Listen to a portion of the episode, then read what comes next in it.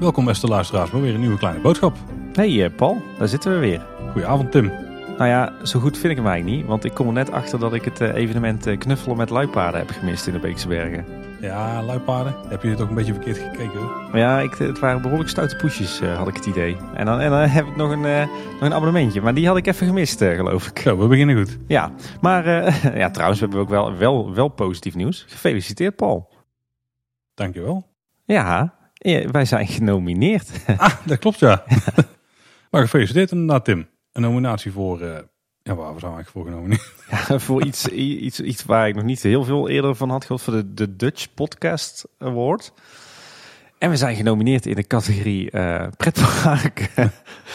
Eigenlijk eh, alle eh, Big Four, om het zo maar te noemen. Dus Kleine Boodschap, Team Talk en natuurlijk de Nestors, Details en nog Tim Pretparkland. We zijn alle vier genomineerd in de categorie pretparken. Dus dat is op zichzelf een beetje, ja, ik weet niet, een wassen neus misschien. Of, Het- zijn awards waar je mensen voor kan aandragen voor podcasts en zo. mhm. Ehm, en blijkbaar zijn er enorm veel pretparkpodcasts aangedragen. Als in enorm vaak, eh, want ja, er zijn er maar vier. dus zoveel eh, is er niet aan te dragen. En blijkbaar omdat het zo populair was, hebben ze er een eh, trending categorie van gemaakt. En de, de trend dit jaar is eh pretpark podcasts, blijkbaar. Ja, inderdaad. Ik schrok er ook van. Wij stonden inderdaad, eh, als je de, de, de pagina hebt, eh, hebt waar je kan stemmen, dan heb je allerlei, eh, ja, een beetje de standaard categorieën die je verwacht. Eh, nieuws, eh, sport, eh, muziek eh, en tech. Dat is wel een beetje. Eh, en dan inderdaad helemaal onderaan de trend van 2018, eh eh pretpark podcasts. Ja, er zijn er twee toch een soort van begonnen dit jaar. Hè? Ja, ja, een hele... Ik vond het een lichtelijk bizarre eh, eh, gewaarwording. En ook best wel een verrassing toen wij hoorden dat we genomineerd waren. Eh, dus eh, ja, Nou, ik zag wel dat Michiel Veenstra in de jury zit. Dus misschien heeft het er iets mee te maken. Michiel zit in de jury. Michiel zit erin met zijn eigen podcast eh, Michiel Met. Michiel zit erin als eh genomineerd als beste podcastpresentator en met details. Dus eh, Ja, die heeft uh, marktkans. Hè? ja, precies. Die, eh, die sleept alle Oscars in de wacht. Maar eh, ja, dat is een, een hele eer. En eh, ik zou zeggen bedankt luisteraars die ons eh, hebben aangedragen. Ja, je kunt stemmen op podcastawards.nl. Dat is overigens van BNR een initiatief. En daar zit dan weer Thomas van Groningen van Team Talk. Dus het is wel allemaal een beetje hè, schimmig. Nee, dat zou ik niet willen noemen, Tim. Het is allemaal heel positief voor de podcastwereld. Nederland. Ja, ja, dat is ook weer zo. Je hoort mij ook zeker niet klagen. Ja, moeten we onze luisteraars oproepen om te gaan stemmen op ons, Paul? Iedereen mag gewoon stemmen als hij er zin in heeft. Eh, en stem ook zeker op de podcast waarvan jij vindt dat hij het meest verdient. Ja, ik zal heel eerlijk zijn. Ik hoef ook niet per se te winnen in die categorie. Ik, eh, het zijn eh, de andere drie podcasts en alle drie podcasts die ik graag luister en die ik ook bewonder. Dus voor mij mogen, we, mogen ze allemaal winnen. Overigens wel leuk voor iedereen dat we dus nu op een lijstje staan waar heel veel podcasts staan die best populair zijn. En dat dan onderaan nog zo'n paar pretparkpodcasts ja, staan. precies. inderdaad. We, we kunnen ons meten met, eh, met, met, de, met de beste hè, in Nederland. Hoor je deze aflevering nou voor het eerst omdat je ons daar hebt ontdekt? Nou, welkom. Ja, welkom inderdaad. Hey, nou, daarover gesproken, Paul, over, eh, over eh, de, de, de pretparkpodcasts in Nederland. Er was de afgelopen weken ook weer de nodige wisselwerking met onze collega's. Ik geloof dat, dat de heren van Details zo stoer waren om eens een aflevering te maken over niet-Disney-parken. Groot succes. Absoluut, ik heb er met veel plezier naar Ja, geluisterd. ik ook. Ik, ik heb volgens mij live, live geluisterd. Ja. Ik heb het achteraf teruggeluisterd. Ze, ze durfden het ook aan om, eh, om het een en ander van de Efteling te vinden. Dat zorgde weer voor de nodige ophef onder Efteling-liefhebbers. En dat werd weer opgepakt eh, door Loopings en door Team Talk Mm. ook nog. Maar Het ging een beetje andersom. Volgens mij heeft vooral Loopings eh, het aangehaald en toen werd het vooral ophef. ah ja, Maar zo die gaat hadden ook meestal. het negatieve eruit gepikt. Ja. Het meest negatieve in ieder geval. Ralf was bijvoorbeeld heel positief. Eh Michiel was daar ook ook. Ik moet zeggen, de heren hadden een paar eh, kritische noten over de Efteling. En eigenlijk vond ik er niet heel veel geks tussen zitten. In die zin dat, ik, dat er weinig was waarmee ik het niet eens was. Nee, het was ook wel eh, grappig misschien. ik, ik was de show notes aan het maken voor de aflevering waar wij onze wensen kenbaar maakten. Eh, dus zeg maar de wat kritischere zaken ook die wij rondom Ja. de Efteling zagen. Terwijl ik die aflevering aan het luisteren was. Dus dat stukje kwam voorbij. Echt, terwijl ik letterlijk intikte. We zijn vandaag eens kritisch op de Efteling. Dat, dat niet letterlijk in. Ik weet niet wat er stond. Maar je snapt de strekking Ja, van het ja, ja. verhaal. Ja. We hebben inmiddels wel contact gehad met de mensen van Details. En er komt als het goed is ooit een keer een eh, crossover aflevering aan. Dus dan gaan we er eens wat dieper op induiken denk ik. Ja, ja, als het goed is dit najaar. Dat is wel de bedoeling geloof ik hè.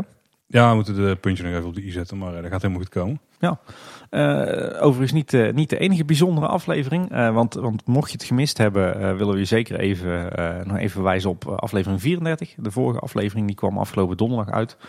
En dat was een, een bonusaflevering over het, het Guesthouse Hotel in, in Kaatsheuvel. Met onder meer een, een interview met initiatiefnemer en ook oud Eftelinger Koen Schelvorst. En een, een exclusieve rondleiding voor en achter de schermen. Nou, dat was heel tof.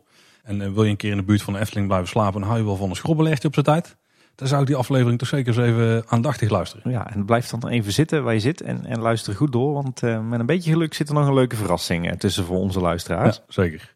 En dat, uh, dat een beetje over de, de afleveringen uh, in het verleden. Maar we hebben ook nog een, een huishoudelijke mededeling over een toekomstige aflevering, Paul. Ja, we hadden het de vorige keer al over dat we iets zouden gaan doen bij de Negen Pleinenfestijnavond. Of in ieder geval op één avond. Oh. we hebben inmiddels via de social media gecommuniceerd wat we ongeveer gaan doen.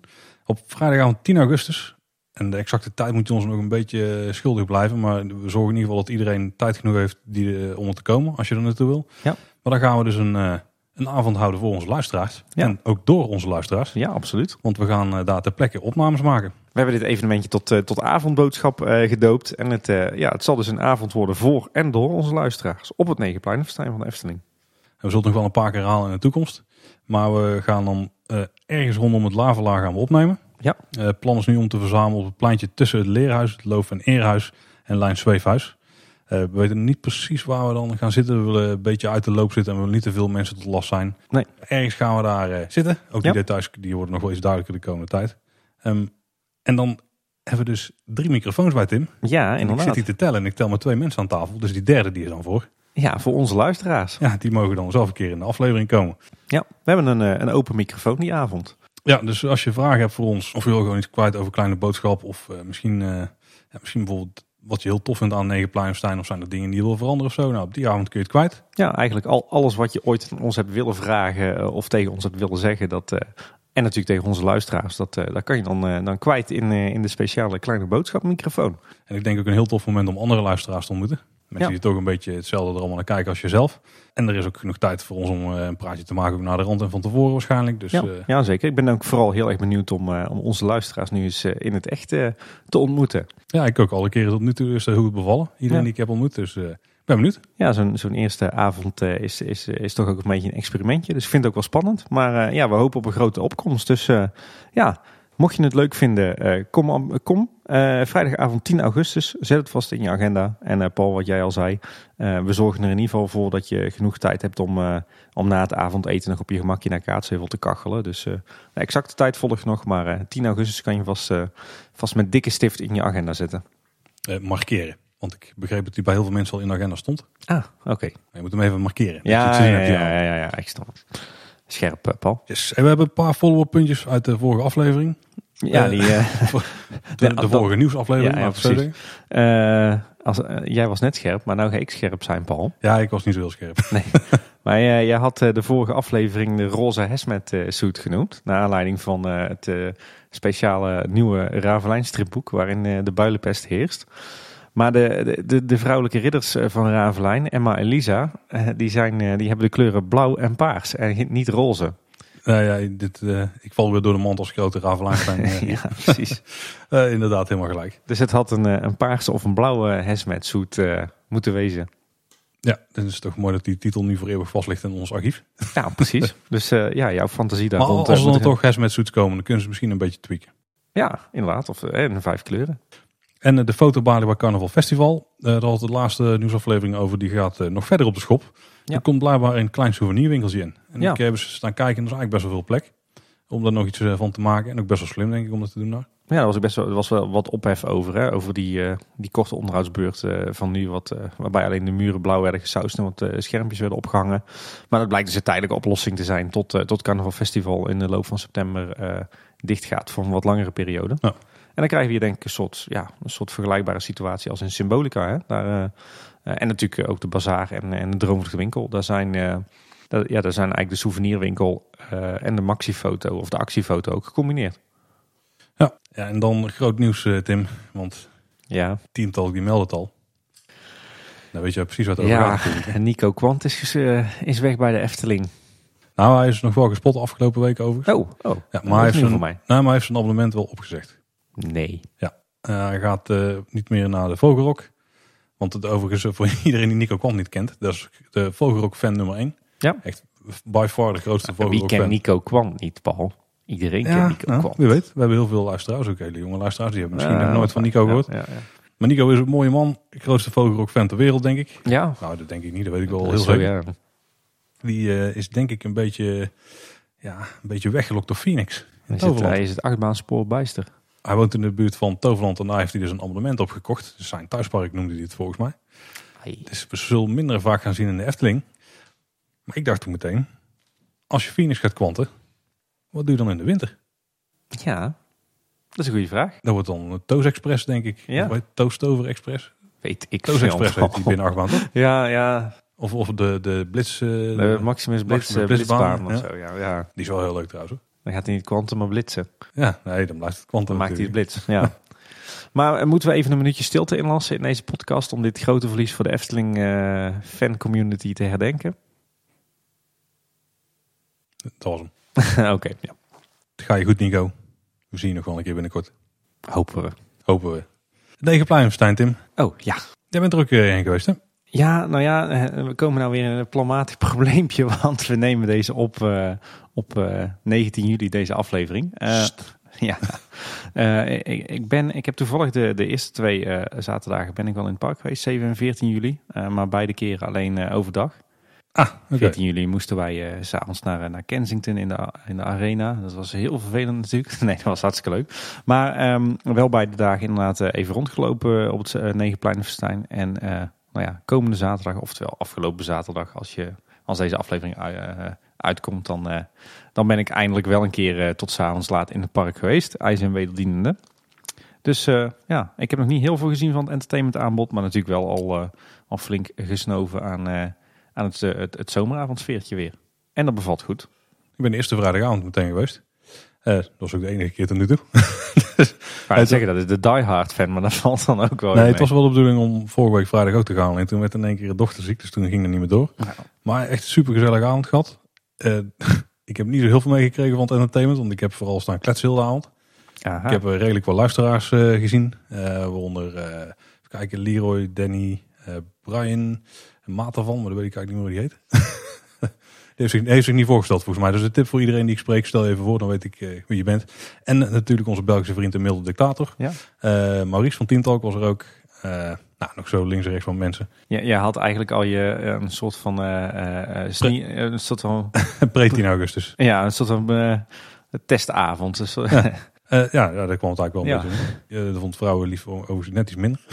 kan, kan ik me ook wel iets bij Die kreeg voorstellen. iets minder aandacht. Ik heb wel het nieuwe entertainment bij het Harthof gezien. Oké. Wel aardig met, eh, voor kinderen, denk ik. Want Mhm. eh, ze proberen die wel mee te krijgen in het dansen wat daar gebeurt. Eh ja, OJ Punctueel, die wordt er wel een beetje... Ja, de rol die hij daar heeft, het is niet de allerleukste rol. Maar daarna, buiten het dansen en het optreden door de hofhouding en de koks... daar staat hij wel gewoon eigenlijk een klassieke praatje te doen. En dat is verder wel prima. Gewoon, dat is eigenlijk zoals je het verwachtte aan de hand van wat de afgelopen jaar eh, gebeurde. Eh, bij Fata Morgana hebben we ook even staan kijken. Was was een beetje, eh, ja, dat heb ik niet super goed gevolgd. Want toen was ik vooral veel aan het praten. Maar als achtergrondentertainment was het wel prima. Geme- Gemengde gevoelens eh, begrijp ik hieruit. Ja, misschien is daar wel het punt. Dat het als achtergrondentertainment prima was. Maar dat het je niet echt trok om daar vol een bak naar te gaan kijken. Ik moet zeggen dat het sfeertje, het was super gezellig. Maar het sfeertje is wel anders als het niet super druk is. Ja. ja, dat heb je natuurlijk op de vrijdagavond inderdaad nu. Ja. Ja. Nou, ik, ik zeg ook, ik heb me prima vermaakt. Het sfeertje was toch een beetje anders dan dat ik nog kende van vroeger. Want die laatste avond is al super druk, dus die blijft wat goed hangen. Ehm, maar ja, dat was wel gewoon prima. Ik merkte toch wel dat de lampionnen die er niet waren, dat was wel echt een gemis. Mhm. Eh, gewoon zo, het, sfeertje was daar, het sfeertje was daardoor wel ook iets minder. Dus niet alleen door de drukte, maar daar hierop ook niet. En sommige pleinen die waren iets rustiger. Tom van de Venplein was eh, redelijk kaal, zeg maar. Op een eh, enkel hutje wat ze nu voor de ijsdonuts hebben neergezet na. Ehm, Maakt veel goed, hè? Ja, die, die ijsdonuts op zich maakt wel, maakt wel veel goed. Al had ik me misschien iets te veel op verheugd. Het viel me toch nog... Maar het was niet de openbaring die ik had gehoopt dat het was. Dat zou zijn.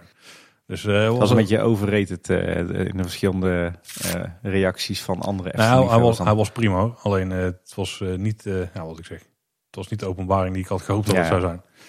Ik hoop hem op korte termijn toch eens te, te gaan proeven. Nou, dan doe ik bij deze jaar verwachting een beetje indammen. Ja, inderdaad. Dan valt hopelijk eh, alles mee bij jou. Maar eh, daarover gesproken, eh, het is natuurlijk zo de, de zomeravonden zoals we die kennen. Hè, daar hebben we natuurlijk in meerdere vormen gehad de afgelopen jaren. iedere, hè, iedere keer heb je, heb je zo'n paar jaar dat het een beetje hetzelfde, dezelfde opzet is. Hè. We, Mhm. we hebben een keer, net zoals vroeger toen het nog een hard ticket event was, hebben, we, hebben een podium aan de, aan de Siervijver gehad. Daarna een, een periode dat er op de speelweide een groot podium stond met toch redelijk grote namen. Toen hebben we een aantal jaar gehad eh, dat, dat zich dat verplaatste richting, richting Brink toen nog. Met de DJ V en, eh, en, en, en toch ook nog wat grote namen. En eh, nu zitten we al een paar jaar in die, eh, is dat zeven plein in en nu negen plein in. Eh, toch is iedere keer is dat, eh, hè, toen negen plein in Verstijn werd, werd geïntroduceerd, was dat echt, eh, ja, denk ik, een, een ongelooflijke kwaliteitsimpuls ten opzichte van eh, eerdere versies van de zomeravonden. Tenminste, dat was mijn gevoel. Maar is het nu dan dat, dat je het gevoel hebt dat langzaam maar zeker dat, er, eh, dat, dat het nieuwe er wel of van af is en dat het zijn glans begint te verliezen? Dit concept? Ik denk dat die, wat je meekrijgt van die avond, ik denk dat dat gewoon heel veel te maken heeft met de mensen die je treft. Mhm. Ik weet niet in hoeverre het entertainment daar... Als in, ik ga daar niet specifiek voor het entertainment heen. Is meer... Ja, het is mooi dat het druk is, dus dat je iets te zien hebt, zeg maar. Maar de grootste deel van de tijd ben je vooral veel aan het kletsen. Tenminste, dat is mijn ervaring. Ja, ja, dat is inderdaad wel de handicap waar, eh, waar, waar wij mee kampen, denk ik. Ja. Nou, en als je dan leuke mensen treft, dan heb je een prima avond. En wat er eigenlijk op de achtergrond gebeurt, is dan niet eens zo heel boeiend. Maar ik ben gewoon niet echt van entertainment. Dus Mm, Oké, ja. misschien ben ik dan niet de beste persoon om dat Nou, te vragen. nou. Maar ik moet zeggen, die avonden, ik vooral de laatste periode op de brink, dat daar de artiesten stonden. Mhm. Dat, die, die kan ik me nog heel goed voor de geest halen, zeg maar, hoe dat er aan toe ging. Ja. De, ondanks eh, de, de gesteldheid waarmee ik op dag moment misschien in bevond. Ik heb een beeld ervan. ja, ja, precies. Oké. Dus die, die zijn wel goed blijven hangen. Maar ja, dat is dan ook meer gewoon het buurtfeestprincipe. ja, ja. Ja, ik weet niet. Oké. Het is wel interessant. Ik, bij Team Talk was het er ook over dat, eh, dat die wat bericht hadden opgevangen. En ik weet niet of dat het eh, andere fans waren die dat vonden of dat ze die eh, uit andere plekken te horen hadden gekregen. Dat de Efteling zelf heeft besloten dat ze het meer voor de dagmensen, voor de dagbezoekers het evenement willen maken en minder dus het buurtfeest. Natuurlijk een Vrijlig ook wat meer familievriendelijk is geworden. Ja. En een beetje en dat- ze dus wat minder op het verkopen en vooral het verorberen van bier willen richten. En gewoon meer op ja, de mensen die er wel langer die avonden zijn, gewoon die wat meer bieden. Dat die gewoon een, een, familievriendelijke dag hebben, zeg maar. Ja. En ik kan me er wel iets bij voorstellen. Ik denk ook dat dat is wat er, wat, er, wat er eigenlijk al jaren gebeurt. Hè. Als je die verschillende versies ziet. Het, het begon inderdaad ooit echt als een, een, laten we het maar gewoon zeggen zoals het is, als een zuipfestijn voor, eh, voor mensen uit de buurt en abonnementhouders. En het is natuurlijk steeds eh, familievriendelijker geworden. Steeds minder eh, bier. steeds minder echt voor, specifiek voor abonnementhouders. En ik denk ook dat dat goed is. Hè? Ik bedoel, er, is, er zijn toch hele volkstammen abonnementhouders die toch wel naar de zomeravonden komen. ongeacht in welke vorm dat je het nu doet. Eh, en ik denk dat eh, de abonnementhouders zijn toch vaak wel tevreden. eh hebben, vermaken zich toch wel. Eh, ik denk dat het inderdaad vooral een uitdaging is om, die, om de beleving van die daggast niet, niet negatief te laten beïnvloeden door, door, allerlei platvloerse acts of door allerlei Ja. zuipgelach. Ehm, dus ja, ik vind het op zich wel een logische stap. En voor mij hoeven de zomeravonden ook niet, niet dat buurtfeest sfeertje te hebben. Het mag best wel wat stijlvoller. Maar goed, dat, dat, dat laat natuurlijk onverlet dat de vraag wel is... hoe lang gaat het Negenpleinenfestijn concept nog mee? Nou ja, ik denk dat ze ieder jaar gewoon proberen om er iets aan bij te schaven. En dat ze het op die manier een beetje vers proberen te houden. Ja, ik, ik denk dat op zich deze formule nog wel houdbaar is. In de zin dat ik nog wel, zie je nog wel twee, drie jaar op zie voortborduren. Eh maar dan denk ik ook wel dat het dan ook wel eens tijd wordt om, om de, de zomeravonden toch weer een keertje opnieuw te gaan uitvinden. Eh, zoals eigenlijk iedere keer eh, na een jaartje of vijf gebeurt. Toch nog weer eens het concept eh, tegen het licht te houden. Wie, wie is nou de doelgroep? Wat zijn nou de trends? Eh, wat is nou wat je wil uitstralen? en eh, dan dan mag er voor mij ook best wel eens gekeken worden naar een aantal elementen uit eh, het midzomernacht Ja. gebeuren. Wat mij betreft, ik heb het al eerder gezegd, het beste evenement in, in decennia in de Efteling misschien wel. En ja, heel jammer dat het niet meer doorgaat, maar misschien dat ze daar nog wat lessen uit kunnen trekken. Een soort, ik zie een soort ja, fusion tussen het huidige Negenplein en Verstijn, eh midzomernacht en eh, toch ook de oude zomeravonden met optredens van artiesten. En daar dan een beetje een, eh, een, een mix van. Dat zie ik wel als de ideale Efteling zomeravond. Nou, ik denk bijvoorbeeld een, een, singer-songwriter zoals we die een aantal keer gehad hebben op midzomernacht. Dat dat ideaal is voor de Efteling. Hè, dat, dat trekt wel wat mensen, maar vaak geen dro- drommenpubliek. Mooi ingetogen, stijlvol. Ik zit er wel voor me. Ik, ik denk dat die formule van, de, van het Negenplein en Verstijn, dat die eh, ja, op den duur wel aan een vervanging toe is. En dan denk ik dat er, eh, dat er heel veel mogelijkheden zijn. Maar misschien moet het daar een, een andere Ah, ik denk dat in eens een goede denkrichting eh, Ja. zat. Ja. ja, de Bob blijft ook zo'n terugkerend punt hier. Ja. Dat kan ik niet anders. Want aan de ene kant hopen we heel graag dat hij open gaat. Maar misschien eh, ja, is er een andere toekomst voor dat gebied. Die is er sowieso, denken we. Ja. Eh, maar de vraag is of dat die toekomst nabij is. Of dat hij nog iets eh, in de toekomst ligt. Zo, dit is een mooie cryptische omschrijving. Ja, precies. De Efteling lijkt de Bob toch wel heel graag open te willen krijgen. Want ze zijn weer flink testrit aan het doen. Ja, absoluut. En ze zijn ook wel aan het klussen geweest aan de wachtrij. Ja, inderdaad. De, de, de Efteling heeft geloof ik tegen, tegen Loopings verteld, vrij recent nog, dat ze er eh, nog steeds vertrouwen in hebben. En dat, eh, ja, dat ze er alles op alles zetten om, om het, eh, de oorzaak van de storing te vinden en om die dan te herstellen. Nou ja, op zich, dat zijn toch kreten waarvan je wel eens kunt denken van, nou ja, is dat wel zo? En wordt dat niet, niet gewoon even gezegd om ons rustig te houden? Maar inderdaad, ik zag dat ze ook eh, inmiddels bezig waren aan het eh, opknappen van de wachtrij. Eh, er werden volgens mij wat, wat, wat leidjes vervangen van ja, zeg maar de, de dakjes boven de wachtrij daar. Ja, en dat doe je natuurlijk echt niet op het moment dat, dat, je, dat je van plan bent om die achtbaan niet meer open te doen. Dan ga je natuurlijk niet investeren in een, onder, in een bouwkundige onderhoudsklus. Dus dat was voor mij wel de ultieme bevestiging van de Efteling is daadwerkelijk bezig om die Bob weer draaiende te krijgen. Ja, in het meest ideale geval dat de plannen gewoon zo lopen zoals ze plan A wilden laten lopen. Ja. Dus dat eh, dit nog een jaar of drie zo blijft staan. Dus dat de Bob nog drie jaar meegaat. Of een jaar of twee zeg maar. ja. Eh, dat in 2020 toch die nieuwe attractie open kan. Misschien met een lichte vertraging. Nou, 2020 gaan we, gaan we niet meer halen hoor. Nou ja, het plan was wel altijd dat het... eh, ja, dat was, want ze wilden we gaan beginnen met bouwen in mei. Dus twee maanden geleden. En na de zomer dan zou, de, dan zou het bestemmingsplan goedgekeurd moeten zijn. Ja, Daar gaat het fonds nog steeds vanuit volgens de kom. Dus ja, maar ja, veel vertraging op. Eh, de, het is een beetje een zijspoor, maar ehm, de, wat, wat Fons heeft geschreven is dat ze natuurlijk eh, na de zomer eh, het bestemmingsplan wil hebben. Wat er nu lag was het ontwerpbestemmingsplan waar al die ophef vandaan over is ontstaan onder buurtbewoners. Die, al die inspraakreacties moet je beant- be- beantwoorden. En uit die beantwoording, waarin dan ook staat wat je, wat je aanpassingen zijn, volgt dan je bestemmingsplan. En dat kan inderdaad, eh, dat, dat zou rond de zomer er zijn. Nu wordt het na de zomer. Dat was het al het originele plan volgens mij. Oh, na oké. de zomer. Oh, Oké, nou, nou, dat komt dus na de zomer. Ehm, en dan wordt dat bestemmingsplan wellicht vastgesteld. Maar dat moet dan worden vastgesteld door de gemeenteraad. Nou ja, daar weten we inmiddels van dat die niet meer vierkant achter de Efteling staan door al die ophef. En vervolgens, als dat wordt vastgelegd, is er ook nog steeds de mogelijkheid tot bezwaar en beroep. Eh, en dat kan je dan bij de Raad van State aantekenen. En dan eh, met een beetje pech ben je nog een jaar verder. Ah, oké. Dus ik, eh, ik heb weinig vertrouwen meer in attractie 2020. Tenzij het nu natuurlijk allemaal heel, heel soepeltjes loopt en, en al die bezwaren goed zijn behandeld en iedereen zich daarin kan vinden. Maar dat betwijfel ik. Oké, de Europalaan. Ja. Daar zouden wisselstroken komen. Maar die Ja. lijken er voorlopig toch niet te komen. Ja, nee, maar... Op korte termijn. Hè? ja, op korte deze termijn, Ja.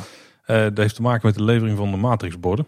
ja, die worden pas in eh, november geleverd, blijkt nu. En in eerste instantie was het plan om dan in de tussentijd eh, toch te gaan werken met, met wisselstroken door allerlei tijdelijke verkeersmaatregelen. Denk aan verkeersregelaars, denk aan barriers, denk aan pionnetjes. Maar uiteindelijk heeft de gemeente in al haar wijsheid toch besloten dat het te gevaarlijk zou gaan worden. En dat de kans op ongevallen te groot was. Dus is er nu voor gekozen om, eh, om het maar even zo te laten zoals het nu is. Hè, de, zeg maar een beetje de bestaande situatie. Eh, en, en om pas na het, eh, het plaatsen van die matrixborden en wellicht nog wat andere aanpassingen, om, om dan pas daadwerkelijk die wisselstroken in gebruik te gaan nemen. En dat zou dan op 15 december van dit jaar alsnog gereed moeten zijn. Dus midden in de winter Efteling, dan kunnen we over wisselstroken rijden. ja, precies. Het is een beetje, een beetje jammer, want ik geloof dat de afgelopen paar eh, drukke zomeravonden dat er eh, behoorlijk weer wat eh, vertraging was op het parkeerterrein. Vooral met uitrijden. Ja, dus dat is een beetje jammer. Maar volgend jaar zou het geregeld moeten zijn. Ja. En het voordeel is dat het, dat het tot nu toe nog niet zo mega druk is als het in het verleden wel eens was. Nee, In de zomer. Ook door de Ja. doordeweekse Ja. dagen. We hebben een Instagram account, Tim. Instagram dat is een social media platform. Kun je af foto's delen. Maar je kunt daar ook stories op zetten. Nou, allemaal eh wazige concepten voor jou. Ja, ja Maar- ik, eh, ik volg het al niet meer. Ik ben Nee. afgehaakt. Maar Maar er zit één eh, nieuwe functie bij. Die hebben ze recent toegevoegd. En daarmee kun je vragen stellen aan de mensen die jou volgen. oké. En daar heeft René Merkelbach ook gebruik van gemaakt. Die, Oh. had gewoon een, die had erop gezet van stel mij een vraag. En daar zijn, ik denk echt extreem veel vragen op, op afgevuurd op hem. Maar daar heeft hij ook wel antwoorden op gegeven. En best wel open antwoorden in heel veel gevallen. Zo werd er onder andere gevraagd wanneer de derde Aquanura symfonie komt. Nou, daar heeft hij zelf verder niks over te vertellen. Maar hij zegt, eh, wat mij betreft mag hij er komen. Want er is genoeg Efteling muziek om iets mee te doen. Op een aantal vragen bleek dat hij op dit moment dus druk bezig is met muziek van Caro. Eh, hij meldde ook dat hij groot fan is van Ruud Bos. Eh, dat hij inmiddels wel een beetje moet van ta ta ta ta. Maar de andere, Ja, ja, ja. de andere melodieën die kan hij zeer waarderen. Voor heel de muziekstukken. Klein leuk feitje was dat het muziektraject van Symbolica ruim zeven maanden heeft geduurd. Dus van de gesprekken tot het componeren tot het uitvoeren. En uiteindelijk het afmixen en attractie. Dat hij de muziek van de Produce Promenade nog wel een keer eh, orkestraal zou willen opnemen.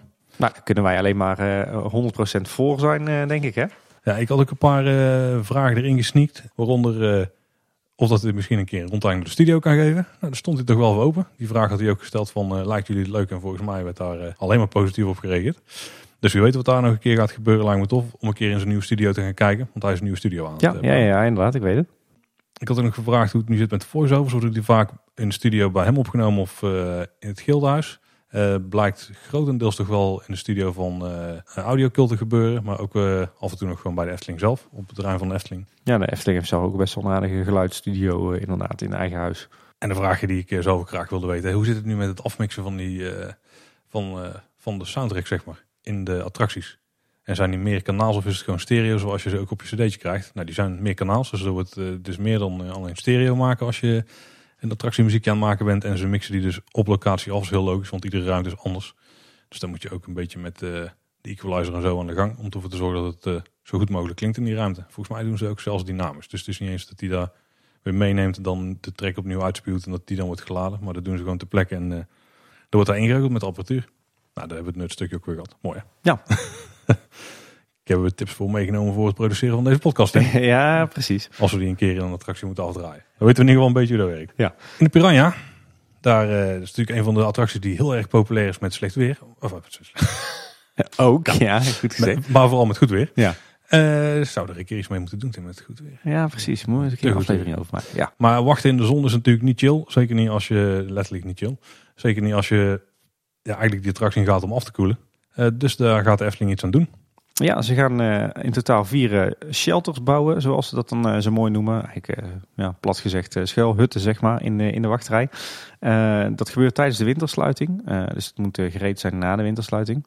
Het, ja, het, worden niet echt hokjes of huisjes, zoals we die inmiddels kennen bij Bron 1898 en bij Symbolica.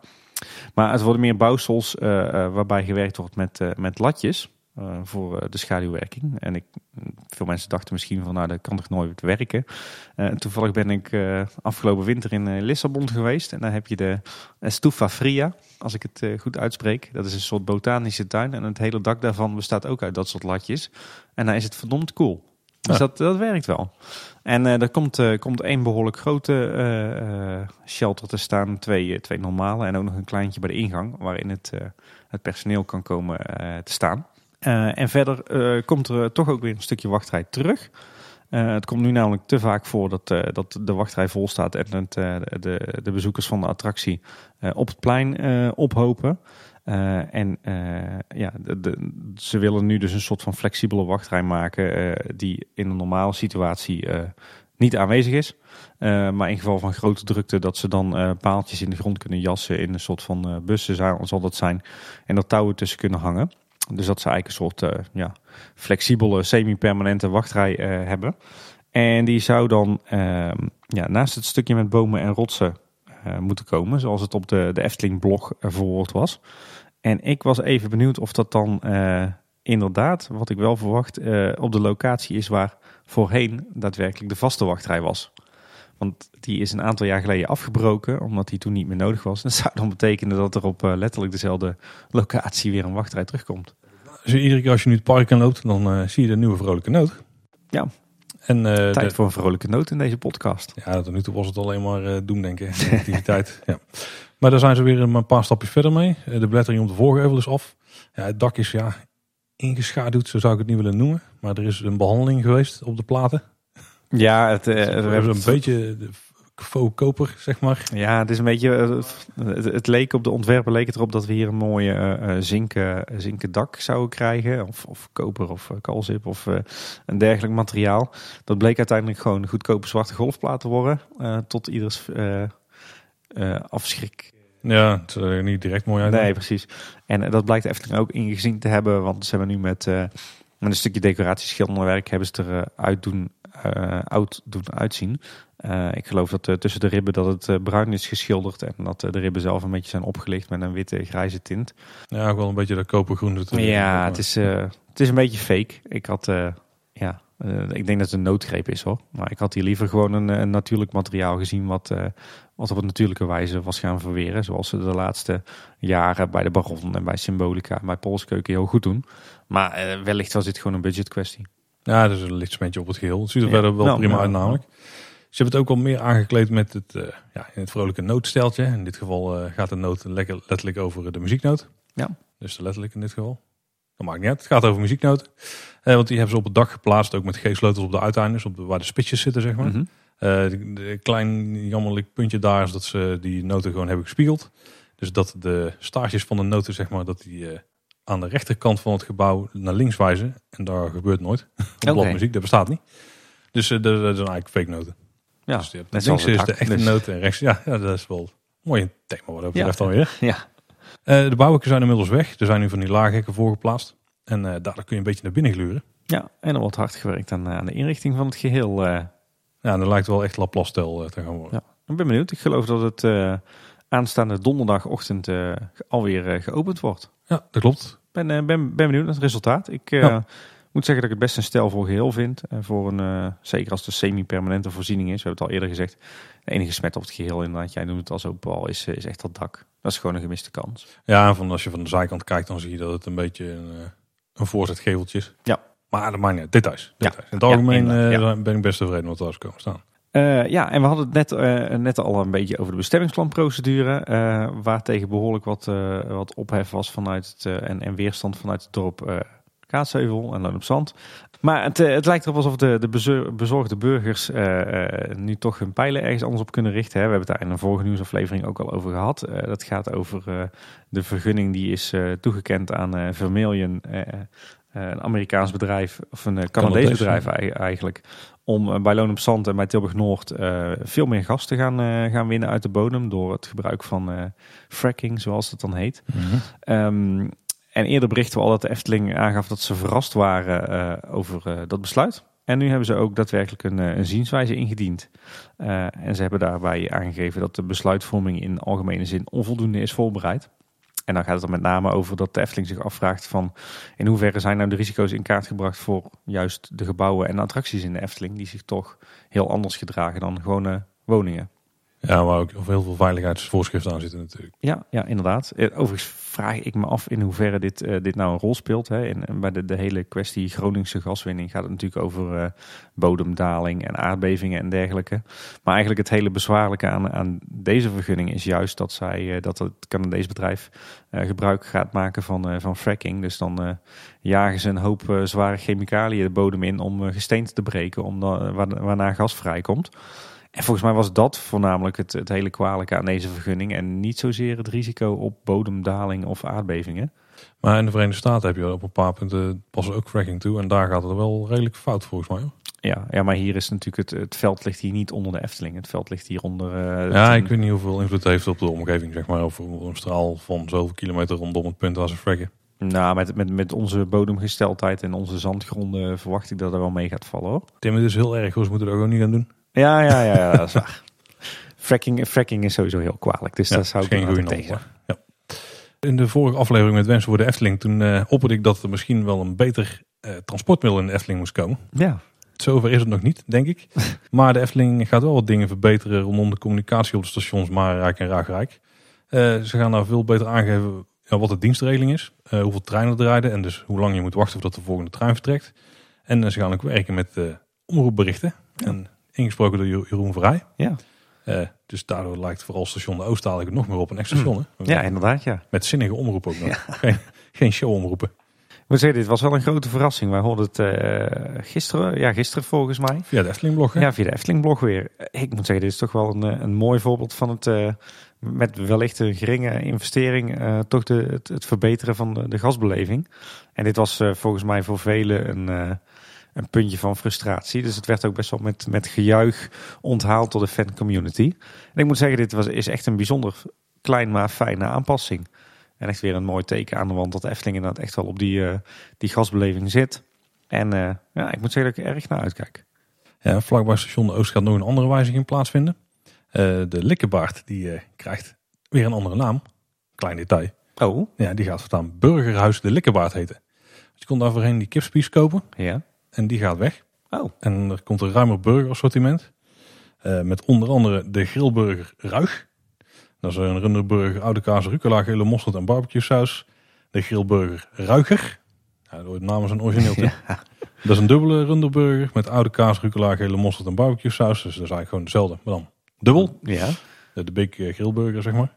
Eh grillburger Ratje toe, dat is volgens mij de variant die ze nu hebben. Dus de burger met gegrilde groente, rucola en paprika spread.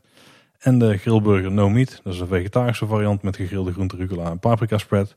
Ehm, en ze zijn verkrijgbaar vanaf 5,25, behalve die ruiger burger, die is dan 1,50 duurder. Want hè, dan heb je toch twee keer zoveel vlees. Eh, en je kunt ook combi deals doen. En daarmee is de spies dus weg en is het echt nog een burgertent. Cool. Oké. Nou, ik eh, moet zeggen dat die, eh die ruigerburger mij wel aanspreekt, eh, zo op de eerste. Ja, ik heb ze tot nu toe wel ontzien. Ik, ik heb er niet super veel goede verhalen van gehoord eigenlijk.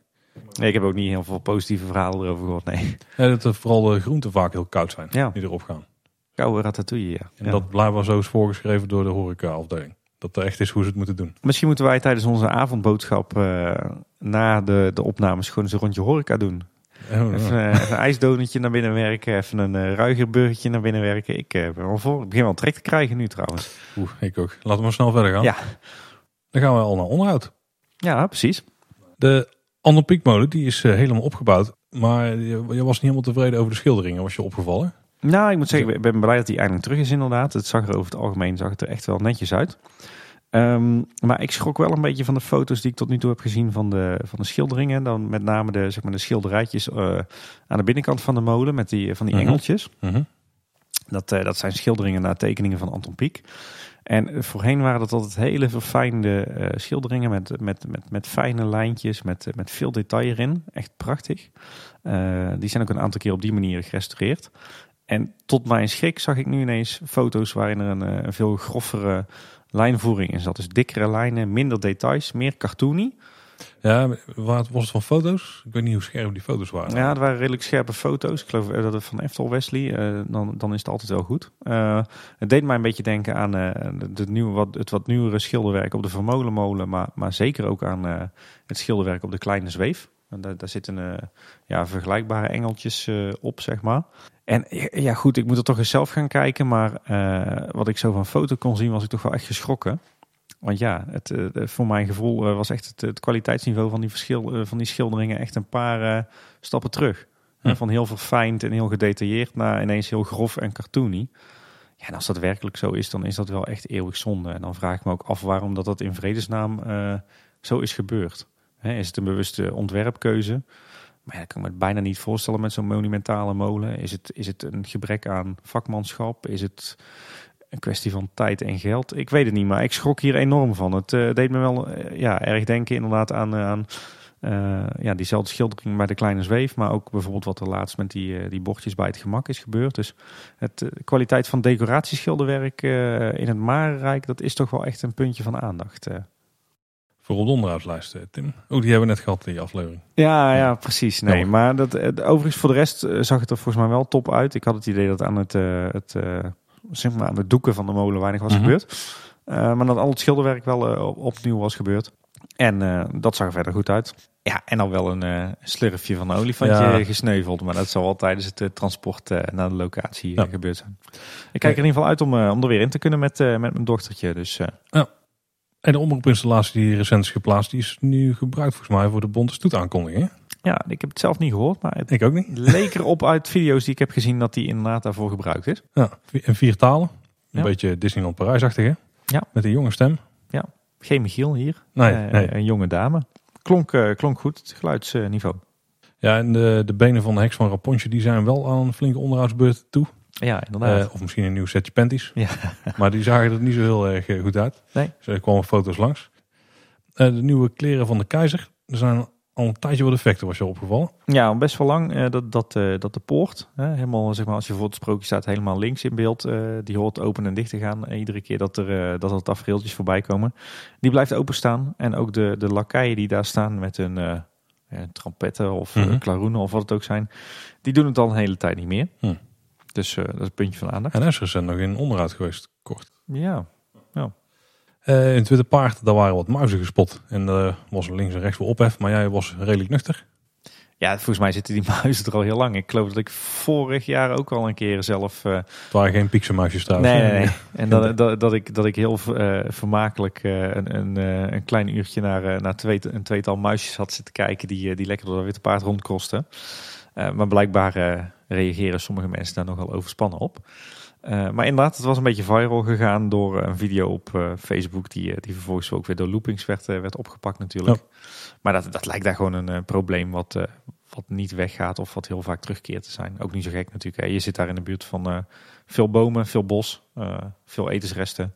Ja, dan heb je vrijwel automatisch muizen te pakken. Ja, en, eh, of eekhoorntjes. Ja. En die proberen ze op andere plekken weer buiten te houden. Onder andere bij ons, zeg maar. Soort ja, van. soort van. De toiletgroep Kleine Boodschap inderdaad. ja, precies. Er zitten nu voortaan roosters in de... Ja, daar daar had je, had je eigenlijk gewoon open raampjes. Hè? Ja, Lekker ouderwets. ja En daar hebben we nu roosters voor. gezet. Ja. Bij Pinocchio is de hengel een tijdje weg. Viel Loopings volgens mij op dat hij nog steeds niet terug was. Oh. Ik weet ook niet dat hij terugkomt eigenlijk. Ja, Zo- lijkt mij wel. Het is een interactief, soort van interactief effectje natuurlijk. Ja, maar hij zegt al maanden weg. Hè? Oké. Beter nog eh, een... eh, het slaat nergens op, maar een, een, een roer van een schip of zo neer kunnen zetten. Of gewoon iets in die geest. Het idee is natuurlijk dat je met die hengel dat daar een veer aan hing. En dat je daarmee de, de vis kietelde en dat dan Pinocchio tevoorschijn kwam. Maar eh, in het begin was die, eh, die kabel of het touwtje een beetje te lang. Of, of mensen gingen, die gingen creatief mee slingeren en zo. En toen wikkelde hij zichzelf om de hengel. Dus was nogal een, een, een ding altijd. Maar hij is al lang weg. Ja, ik Ja. weet niet wat ze mee gaan doen. Misschien dat ze aan het dokteren zijn op een, een definitieve oplossing. ja, wie weet. Ja. Bij Fata Morgana, een, een, puntje wat heel veel mensen al eh, lange tijd stoorde, was het eh, jungle thema in de eerste, in de eerste scène, dus in de jungle. Logisch. Ja. dat die al eh, een lange tijd niet hoorbaar was. Onder andere Ruud Bos had er wat over geklaagd zelf. Ehm, en inmiddels is daar dus iets aan gedaan. Eh, het niveau is vooral opgeschroefd. Ik hoorde van een aantal mensen dat, eh, dat het in het algemeen in de attractie wel eens gebeurt. Omdat je in de opstaphal nu ook eh, wel een beetje last krijgt daarvan, zeg maar. Hmm. Of niet last, maar joh, je kan, eh, zeker als de deuren openstaan, dan hoor je gewoon heel goed geluid eruit komen. Misschien wat onhandig, maar in, in het algemeen wel een verbetering volgens velen. Dus, eh. En eh, de Eftelist redactie die was weer blij. Overigens ook met het vorige puntje. Op Matroos Gijs, dus bij het Witte Walvisplein. eh, dus achter Spookslot. Ja. Het is altijd een discussie waar, Ja, we ja. daar zitten. Maar er stonden een paar van die grote felle kleurige spots op de donkere avonden. En vooral met de Negenpleinenfestijn Nu iets smaakvoller licht neergehangen. Tenminste, Weer een, eh, weer een puntje ook voor detail eh, van de, de jongens en meisjes van Eftelist eh, opgelost. Ja, en een puntje wat gelukkig niet op de lijst heeft hoeven komen. Ik zat vandaag in Symbolica en het viel me op dat het planetarium weer draaide in Symbolica. Oh. En die heeft volgens mij ook echt meer dan een maand, anderhalf stilgestaan of zo. Heel blij dat hij het weer doet, want dat is wel, dat maakt die scène wel Ja, echt af. ja, zeker. Absoluut. Kort nieuws. Ja. Wederom Symbolica. Er vallen maar daar wat dingen op, Tim. Vertel, Ja. verras me. Eh dochter Lief die wil graag die attractie in iedere keer als ze er zijn. Nou, en dat is prima. En dan kijk ik in de app hoe lang moeten we wachten. En meestal denk ik dan van, ah, 20 minuten wachten, dat is toch wel een beetje... De max. Nou, het max, daar zou ik niet aan beginnen, denk ik. Zeker niet op die warme dagen. Maar mijn tactiek is altijd, kijk even in de wachtrij en kijk vooral hoe mensen richting de trap lopen. Dan lopen ze rechtdoor en gaan ze door het oude stuk bos. Of lopen ze gewoon meteen naar links en kun je daarna nog een keer links en meteen de trap op. Ehm, en het valt me eigenlijk op dat die wachttijden in de app, dat die eigenlijk gewoon nooit kloppen op het moment dat ik er kom. En het, is, het is niet een incident geweest, het is echt gewoon al vijf of zes keer of zo geweest dat, dat we dat in de app, dat ze aangeven dat het 25 minuten wachten is of zo, of 20 minuten wachten. En dat je echt gewoon nou, binnen 10 minuten in de voorshow staat. Vandaag was zelfs zo, ik liep de wachtrij in. Ik denk, check het en ik time het een keer. Ja. Stond 25 minuten wachten in de app. Ik stond binnen drie minuten in de voorshow. Oh, dat is wel Dus- eh, echt een enorm verschil, ja. En ik, ik, daar ga je meteen doen denken, of niet, misschien negatief denken, maar zou het dan eh, kunstmatig die wachttijden wat hoger houden, zodat ze zeg maar, goed voor de dag komen of zo? Maar dat ze aan het eind van het jaar kunnen zeggen van, oh, de wachttijden voor onze meest recent toegevoegde attractie, die waren best prima. Nee, Of is dat- het gewoon nee. slecht ingeschat? Of zouden ze de tijd schatten die het duurt totdat je in de fantasievader zit? Want dan klopt het al iets meer. Want dat was ongeveer een kwartiertje dan, zeg maar. Misschien dat ze dat doen. Alhoewel me dat ook raar zou lijken, hoor. want de beleving, de attractie begint Ja, in de voorshow. Ja. Nee, ik kan me niet, kijk, ik kan me niet Het voorstellen was, dat... het was dus nu zelfs zo, ik was binnen 20 minuten was ik weer buiten. en de Ja. wachttijd was 25 minuten. Ook toen ik eruit kwam was hij bijgesteld na een kwartier. Oké, Maar toen ik de wachtrij in keek, denk ik als we weer in de rij waren gestaan, dan zat ik weer binnen 5 tot 7 minuten denk ik in de voorshow. Oké. Ja, nou, ik, wat ik me kan voorstellen is dat ze de, de wachtrij hanteren, de wachttijd tot je inderdaad eh, in je fantasievader kan stappen. En je, je hebt er natuurlijk wel een voorshow eh, die onderdeel uitmaakt van de attractie. Maar ik kan me ook voorstellen dat dat stuk wat je daarna hebt, hè, in het trappenhuis en, eh, en in de opstaphal, dat mensen dat toch ervaren als wachttijd. En dat ze besloten hebben dat mee te nemen in, Ja. in de wachttijdvoorspelling. Eh ja, en verder kan het natuurlijk ook zo zijn dat, eh, dat voordat jij er was, dat het inderdaad wat drukker was. En dat men gewoon even een half uurtje niet op de wachtrij gelet heeft. Eh, jawel, want Oh. toen, ik, voordat ik, toen ik thuis wegreed, dus dat Ja. was ongeveer een kwartiertje voordat we eraan kwamen, toen stond hij nog op een half uur. Ja. Toen ik aankwam 25 minuten. Toen, op het moment dat ik de voorshow inliep, inliep was hij trouwens al bijgesteld tot 20 minuten. Dus dat wel. En toen ik eruit kwam een kwartier. Maar Ah, oké. wachtrij stond er echt niet. En wat me ook opviel is dat ze bij de schattentour, dat ze daar gewoon het wagentje leeg lieten. Die ging gewoon een leeg voertuig door de attractie heen. Ik zag overigens wel dat hetzelfde voertuig toen hij stopte in de uitstaphal, toen schopte iemand een paar keer tegen de achterkant aan. Dus misschien dat er iets was met die unit of zo. dat Klinkt als, eh, klinkt als een hele goede Ja. manier van onderhoudpleging. Ja, dat, was eigenlijk niet zo heel erg sympathiek uit, ook van die medewerker niet. Maar dus, ik vraag me af wat daar aan de hand was. En het, echt, het, het groep was ook heel vreemd of zo. Volgens mij ook wagentjes met, met drie mensen erin. En van die dingen gebeurden. Ik vind het heel apart. Ik moet ook Eh, wel zeggen. dag voor symbolica. Ja, nou, ik moet zeggen dat ze de capaciteit wel goed benutten. Want ze stampen mensen er wel echt eh, vol een bak doorheen. Niet alleen de voertuigen, maar ook de mensen zelf. Daar, volgens mij gaat daar, is de capaciteit best wel richting het maximum, Ja. zeg maar. Zeker Nou, nu ze vier Nou. mensen in een rij eh, zetten of vier kinderen. Dus dat is alweer het positieve. Dus misschien eh, zijn ze zo goed in mensen wegwerken dat de wachttijden wat te laag leken. Ja, precies. Nee, ik kan me niet voorstellen dat ze wachttijden daar kunstmatig hoog houden. Ik bedoel, Nee, maar het is zo opvallend dat het al vijf of zes keer is gebeurd. Ik denk, Ja. haalt het even aan. hè. Misschien dat andere mensen hetzelfde opvalt. Als je je auto parkeert in de Efteling, dan heb je van die eh, bordjes aan het einde van de rij staan, waar ik altijd naar vergeet te kijken. Die aangeven Ja, welke ja, rij je herkenbaar. staat. Tip, maak er een foto van. Of train je kinderen erop dat die erop gaan letten. Ah, dat ja. werkt best goed. Die bordjes heb je tegenwoordig ook in de fietsstalling. Ja, Dus kun je ook makkelijk je fiets terugvinden. En eh, zeker met de zomeravonden, oh, negenpleinensteinavonden, sorry. Dan eh, kan dat best wel nuttig zijn. ja, inderdaad. Ik ben vaak zat mijn fiets kwijt geweest daar. Ik heb laatst eh, gehad dat ik wel later naar buiten liep en toen was de medewerker gewoon weg. Dus ik heb nog steeds een bonnetje aan mijn fiets zitten met, met het nummertje. Nee, dat is leuk voor in een verzameling. Ja, nou, die wou ik niet missen. Nee, ja, precies. ja, er waren ook weer een paar eh, interessante vacatures. Uh, je houdt ze in de gaten, Tim. Ik hou ze in de gaten. Eh, wat een hele leuke was, is een, een actie die gestart was op de dag van het sprookje. Is dat ze sprookjesachtige bijbaantjes voor, voor kinderen hebben geïntroduceerd. Ik geloof een leuke vond ik de, de DTP'er. Draaktandenpoetser. dat was wel een hele mooie, maar zo waren er nog meer. En eh, ja, dat is eigenlijk gewoon een soort van promotionele actie. Hè? Dus eh, de, de bedoeling is eh, via social media natuurlijk zoveel mogelijk kinderen te trekken die dan solliciteren op een van die, van die functies. Maar ik geloof dat wel daadwerkelijk die, die baantjes ook uitgevoerd gaan worden. In Ja, park. zullen wel weer Efteling YouTube kanaal video's ja, worden. ja, ja. ja, ik vond het een hele sympathieke, leuke, originele actie. Ja. En heb jij jouw dames opgegeven, Paul? Nee. Oh, Ik heb er ook nog niet op geattendeerd, dus dat Ah. scheelt misschien. Die, die actie was wel sympathiek. Eh, er was ook wel een minder sympathieke actie. Eh, er was nog een andere vacature namelijk. Een eh, werkervaringsplaats. Database marketeer. Ken hem? nee. Dat zou iets voor ons zijn, hè? Ja. nou, database kan ik nog wel mee weg, maar de marketeerstukje is wat minder. Maar daar zet je dus eigenlijk een afgestudeerde analyticus aan het werk voor 3,60 euro per uur. En ik kan je even vertellen, dat is ver onder het minimumloon. Ja. De, ja, kan kan dat in deze tijd? Bestaat dat nog, zulke dingen? Ja, je zou zeggen met de aantrekkende, aantrekkende economie en de, de steeds krapper wordende arbeidsmarkt vind je daar nergens meer voor. Maar misschien dat de Efteling denkt van ja, als een, eh, iemand zo gek vinden die dit werk wil doen voor dat, eh, dat geld, dan, eh, dan zijn we spekkoper. Ja. Wie weet.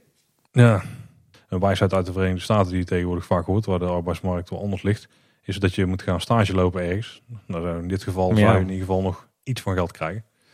Ja, Maar- dat zal de redenatie zijn. Maar ja, de, de arbeidsmarkt nu in Nederland eh, ziet er iets anders uit. Hè?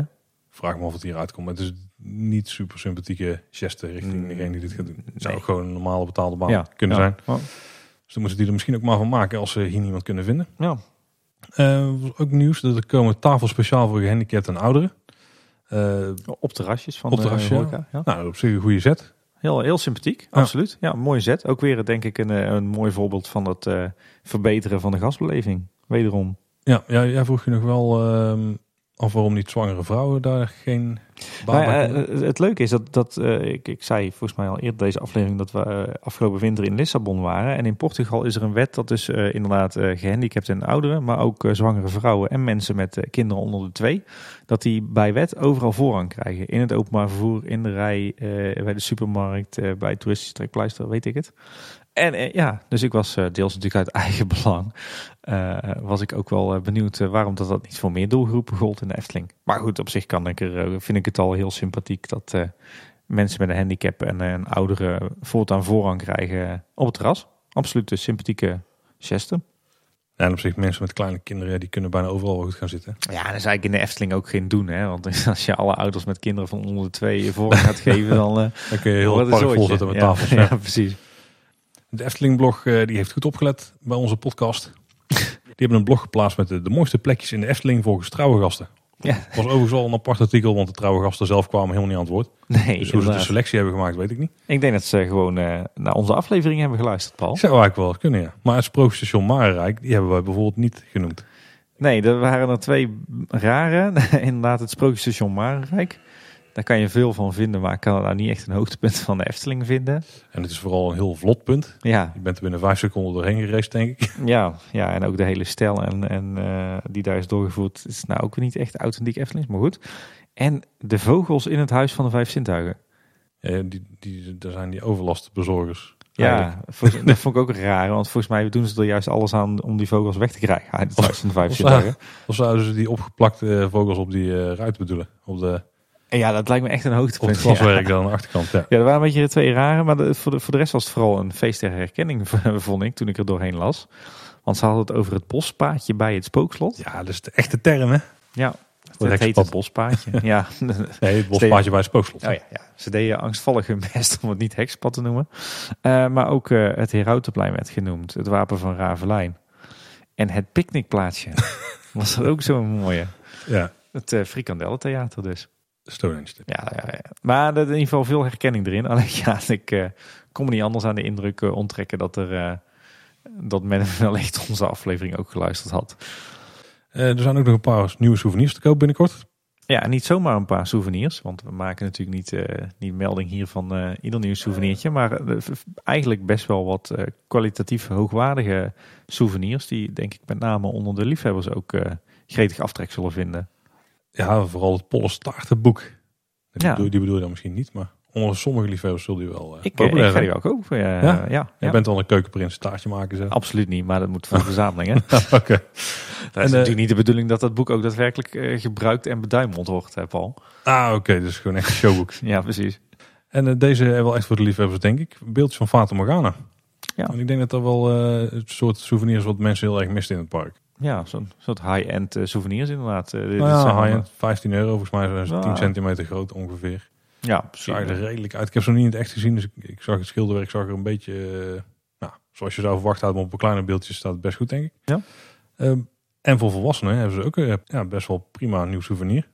Een eh, polo met het logo van Bron 1898. Ja. Dus het, eh het miners logo, zeg maar. Ja.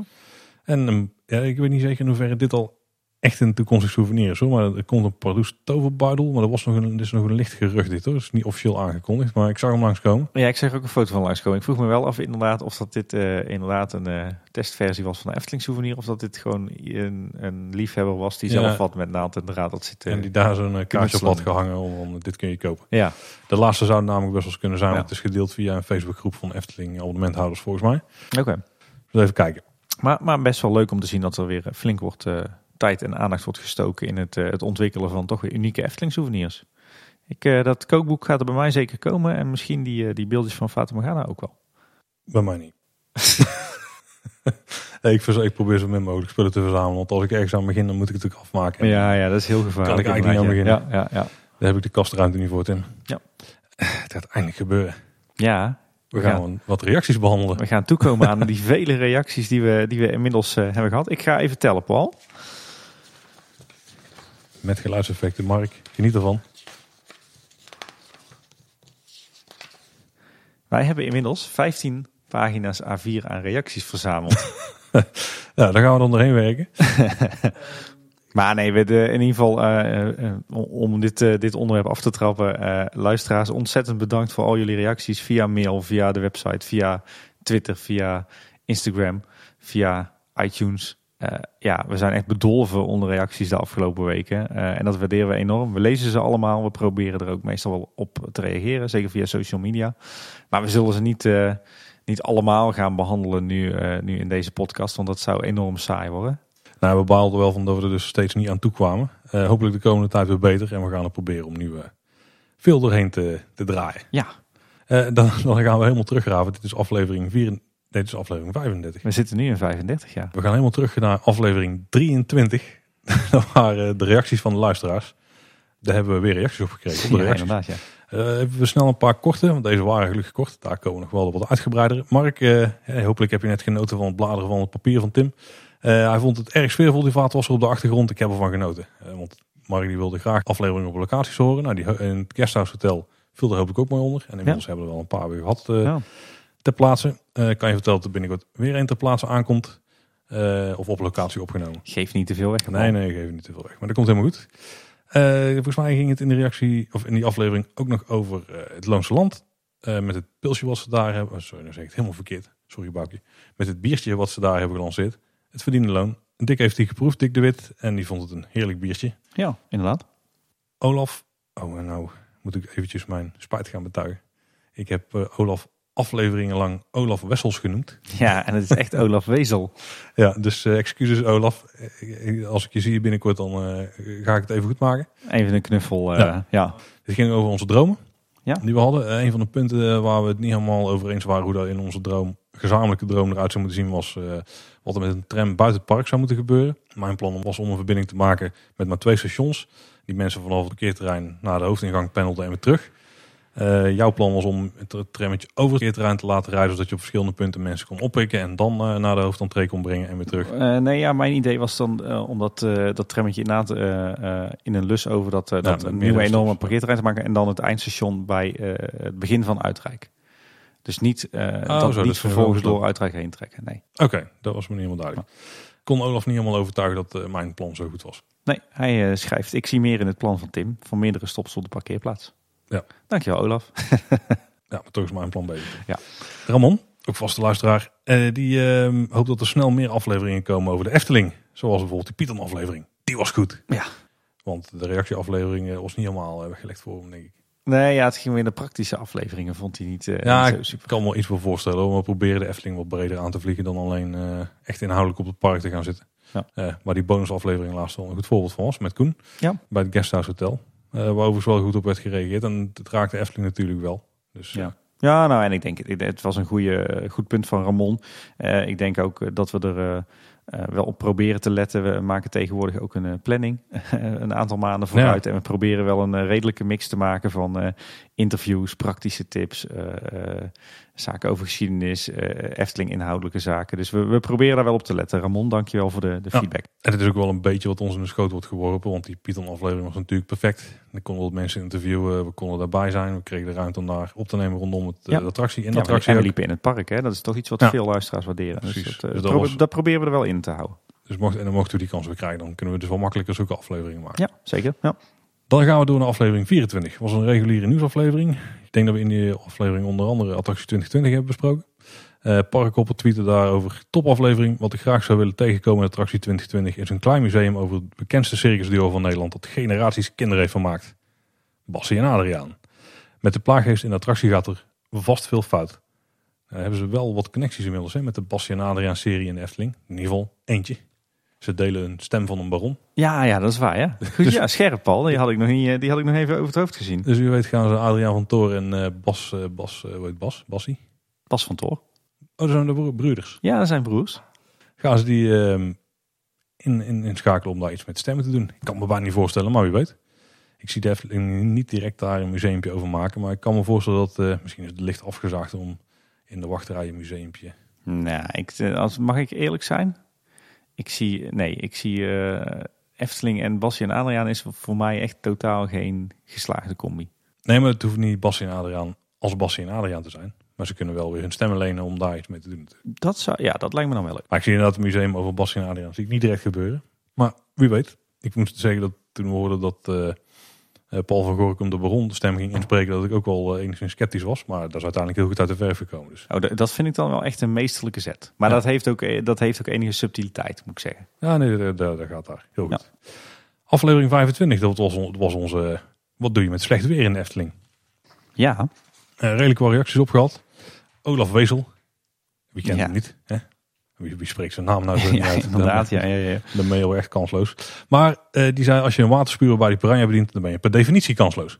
Want het ging erover dat het wel heel erg zielig is als je met slecht weer mensen die piranha extra gaat nat staan spuiten met kwelbeelden. En daar heeft het weer geen effect op als je dus met die dingen aan de gang gaat. Ja.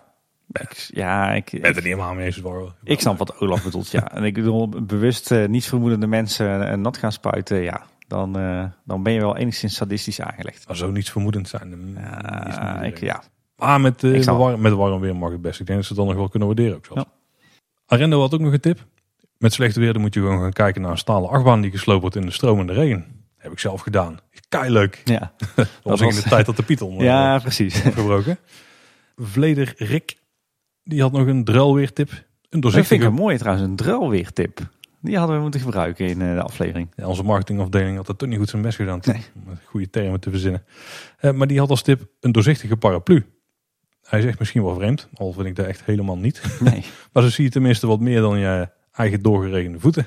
Ja, nou ja, heeft hij helemaal gelijk in. super suggestie, eh, Rick. Weet, En, je, dat- weet je dat ik echt helemaal een garage vol heb eh, gehad met transparante paraplu's? nee.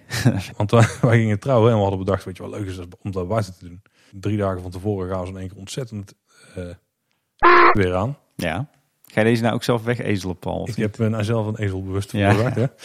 Eh, en toen heb ik snel nog bij een of andere uh, relatiegeschenken tent gewoon uh, 60 paraplu's gekocht. en die hebben de dag wel gered, kan ik je vertellen. Ah, mooi. Nou ja, wij, wij zijn op het strand getrouwd, een jaar of drie geleden. En toen hielden we ook rekening met stormachtig weer op de Nederlandse Waddeneilanden. Dus toen hadden wij ook van die mooie transparante paraplu's. Alleen vervolgens was het 35 graden. Ja, dan had je het ook beter niet transparante paraplu's Ja. kunnen hebben. Maar uh, wat wel leuk is dat inmiddels na die aflevering dat de Efteling zelf zijn eigen uh, uh, paraplulijn heeft uitgebracht. Ja. Bijzondere paraplu's die, die veranderen als ze nat worden. Dus ja, nu alleen nog Efteling regenjassen en mooie Efteling regenlaarzen. En ik ben helemaal, helemaal tevreden. Ja, en we hebben toen ook de tips gegeven dat slecht weer ook prima is om dan foto's te maken. En Brian Ankersmit en Leroy Mines, dat is trouwens die ik beide heb ontmoet oh. tijdens het Negenpleinenstein. Die zijn er meteen mee aan de slag gegaan. Ja, die hadden tof. een paar uh, prachtige regenfoto's op, uh, op Twitter gezet. En die gaven inderdaad uh, heel goed weer wat wij die aflevering hebben verteld. Ja. Hoi, ik heb jullie aflevering tips voor een rekenachtige dag in de Efteling geluisterd. Mijn tip is, in de stoomtrein kan je ook een anderhalf rondje of twee rondjes blijven zitten. Ga vooral door met de podcast allebei. Groetjes Jinze. Nou ja, Jinze, uh, daar heb je gewoon echt helemaal gelijk in. Ja. Super goede tip. En dan uh, aflevering die veel was aangevraagd van tevoren. Aflevering nummer 27 over de muziek. Onze favoriete muziek uit de Efteling. De meest opgereageerde aflevering die we tot nu toe hebben gehad. Dat weet ik wel zeker, ja. Uh, onder andere van Philip Korsjes. Ja, dat is toch... Uh, onze, een van onze co-hosts. Ja, gasthost. Gasthost, ja. ja. ja. Uh, toffe aflevering, zonder al te veel nadenken. Mijn persoonlijke Efteling muziek top 10. Op 10 Ravelijn. Op 9 Volk van Laaf. Op 8 Joris en de Draak. Op 7 Symbolica. Op 6 alle Merkelbach parkmuziek. Op 5 Carnaval Festival. Op 4 de Indische Waterlelies. 3 de Paddenstoelen. 2 Fata Morgana. En 1, jouw gedeelte ja. niet Tim, Villa Volta. Hey. Uh, hij zegt al hier en daar wat overlap. En bij mij misschien wat meer van de usual suspects. Hoewel behalve van Volk van Laaf. Die hoor ik wel van wel meer mensen. Ja, oké. Okay. Uh, dat is dan ja, dat is de, de vreemde eend in de bijt hier ten opzichte van ons. En Carnaval Festival op 5. Uh, ja, verrassend. Ik vind, ik moet zeggen, voor mij was het wel fijn om, uh, om te zien dat ik niet de enige was met Villevolt op 1. Ik vind het niet gek hoor. Maar... Nee. Hey, uh, we hadden ook een, een hele uitgebreide reactie van Ramon gehad. Ramon Heren, ook een be klein beetje gasthost toch? Althans, die draagt zoveel bij aan ons dan wel de, de, de, de, stille stem? Ja, de, de, de stille aanwezige. Want hij had, uh, hij had er ook argumentatie aan toegevoegd. Ja, heel tof. Uh, dus Ramon bedankt. Zijn lijstje was op uh, nummer 10, de muzikale paddenstoelen. Omdat het uh, voor hem de meest herkenbare Efteling muziek is. Op 9 vond ik zelf heel leuk de wachtrijmuziek van Vogelrok. niet de lasershow van Jannie, maar de Ruud Bos suite. Die te vinden is op het oorspronkelijke singeltje. Nou Ramon, daar, daar, heb je helemaal gelijk in. Die heb ik zelf over het hoofd gezien. Maar dat is inderdaad prachtige muziek en echt wel een verborgen pareltje. Op 8 de dans macabre van het spookslot. Op 7 begon 1898. Hij schrijft heel sterk uh, hoofdthema en goed uitgevoerde sfeermuziek in de rest van de attractie. Op 6 de achtergrondmuziek van Polles Keuken. Dus niet de kookstoof die op de laatste cd staat, maar de sfeermuziek in het restaurant. Ja. Vind ik vind die heel warm en gezellig klinken. Ja, vind ik ook. Ja, ja ook he helemaal mee eens. En ja, vergeet het te melden. Op 5 heeft hij uh, waarschijnlijk de grootste verrassing Carnaval Festival. Hij is dol op de melodie en de verschillende arrangementen die Ruud Bos heeft gecomponeerd. Op 4 uh, Ravelijn. Wat uh, Ramon betreft de uh, Merkelbachs beste muziek. En eigenlijk beter dan de show zelf. Ja, en voor hem blijft Ruud Bos toch de allerbeste Efteling-componist. Wat ik dan op zich niet heel verrassend vond om te lezen. Op drie heeft hij Droomvlucht. Hij zegt de muziek weet zo belachelijk goed de kern van Tons idee over te brengen. Op twee Villa Volta. De uitvoering is niet zo goed, maar de compositie is ijzersterk. Het sterkste thema van de Efteling. Maar daar kan ik het alleen maar volmondig mee eens zijn. En op één schrijft hij uh, toch Fata Morgana. Want Jungle en Harbor zijn zo ongelooflijk goed. het kan zo de soundtrack voor een big budget film zijn. De slechtste muziek voor Ramon is Merkelbach. Piranha's Piranha muziek.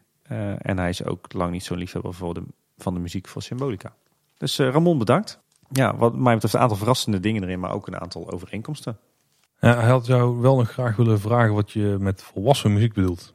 En waarom individuele stukken een nadeel zijn voor een attractie soundtrack. Die geven, uh, hij schrijft er nog bij, die geven naar mijn idee juist de nodige variatie aan de scènes van een dark ride. Het ging vooral over drones volgens mij. Ja, ja nou eerst over dat volwassen muziek. Hè. Ik heb het inderdaad over, af en toe gehad over dat uh, bijvoorbeeld volwassen composities van Merkelbach. Wat mhm. ik daarmee bedoel is dat, dat Merkelbach in, in het begin nog wat, misschien wat, wat meer uh, simpelere, voor de hand liggendere composities maakte in Efteling. Ik denk bijvoorbeeld aan Joris en de Draak. maar ook op sommige stukjes Vliegende Hollander. En natuurlijk de Paduspromenade muziek. Ondanks dat ik daar wel een zwak voor heb. Uh, later werden die stukken steeds meer, zat er steeds voor mijn gevoel steeds meer diepgang in. Uh, zaten ze complexer in elkaar. Uh, of ik praat in verleden tijd, moet eigenlijk in de huidige tijd zijn. meer variatie, ja, ik denk uitgewerkt. Dat, ik denk meer verhaal misschien een goede ja, manier ja, ja. Ik denk namelijk dat die bijvoorbeeld symbolica al veel meer richting de Ruud Bos compositie zit dan de eerdere stukken van Merkelbach. Ja, absoluut. Ja, een andere vraag van Ramon was inderdaad van waarom is het een nadeel dat, het, eh, dat muziek soms individuele stukken zijn. Um, nou ja, voor mij, eh, muziek componeren is, is iets heel moois natuurlijk. Een mooi muziekstuk kan prachtig zijn om naar te luisteren.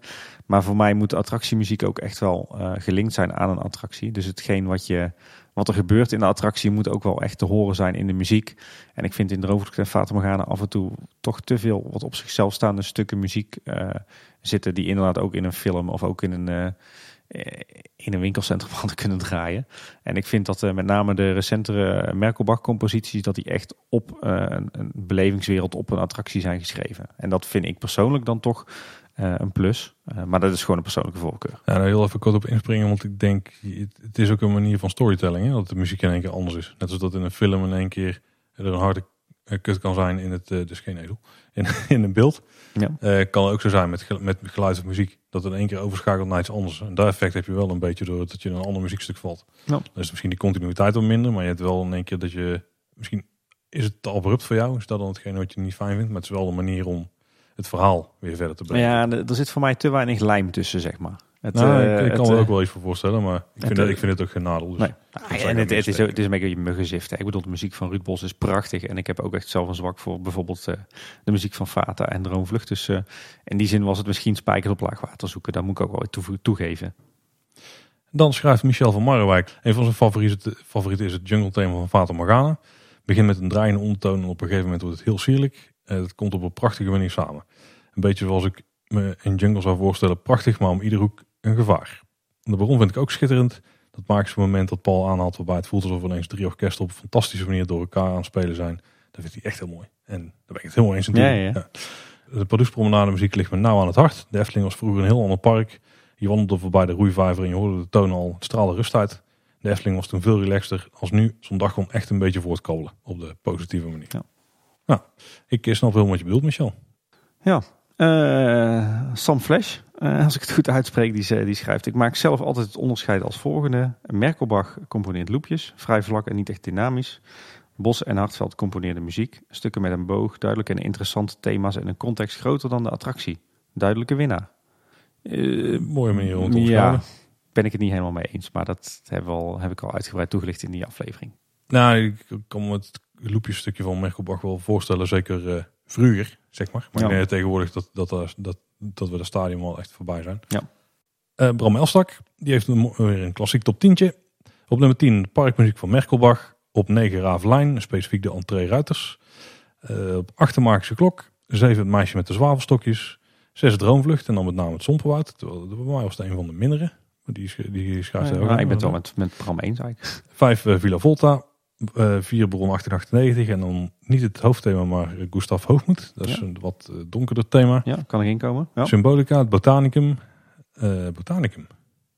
Hmm. Oké. Ja. Huh. Eh, Fata Morgana Jungle op 2. Daar zijn we het helemaal mee eens. En op nummer 1 de parkmuziek van Hartveld. Kijk Tim, die is wel fan. Ik niet.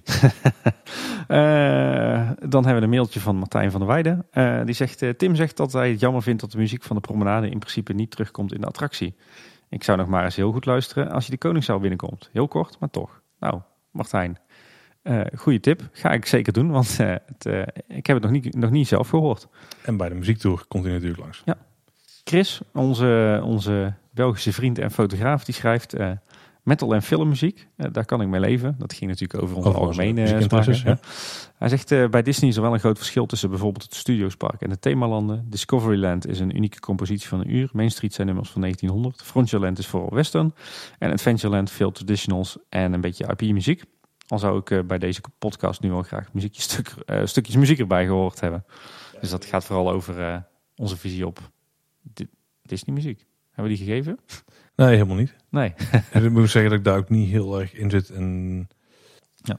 Eh, Even wel, eh, we hebben inderdaad geen muziek bij de podcast gedaan. Daar hebben we al wat vragen over gekregen. Dat was een bewuste keuze. We hebben wel contact gehad met de Efteling ook over eh, het gebruik van de muziek en hoe dat dan zat met rechten en zo. En ja, dat was of niet duidelijk of het was gewoon in hun ogen geen goed idee om te doen. En Nee. dat was ook wel de richting waar wij al vooraf al heen neigden. Gewoon problemen uit de weg gaan in plaats van dat de podcast in één keer offline getrokken moeten worden en zo. Of we een brief van een advocaat op de mat hebben. Liever voorkomen Nee, dan genezen wat dat betreft. Ja. Maar daarom hebben we ook die playlist gemaakt op eh, Spotify Ja. en Apple Music, zodat je die in ieder geval nog kon luisteren. En iemand anders heeft ons werk, eh, het werk voor ons gedaan. Ja.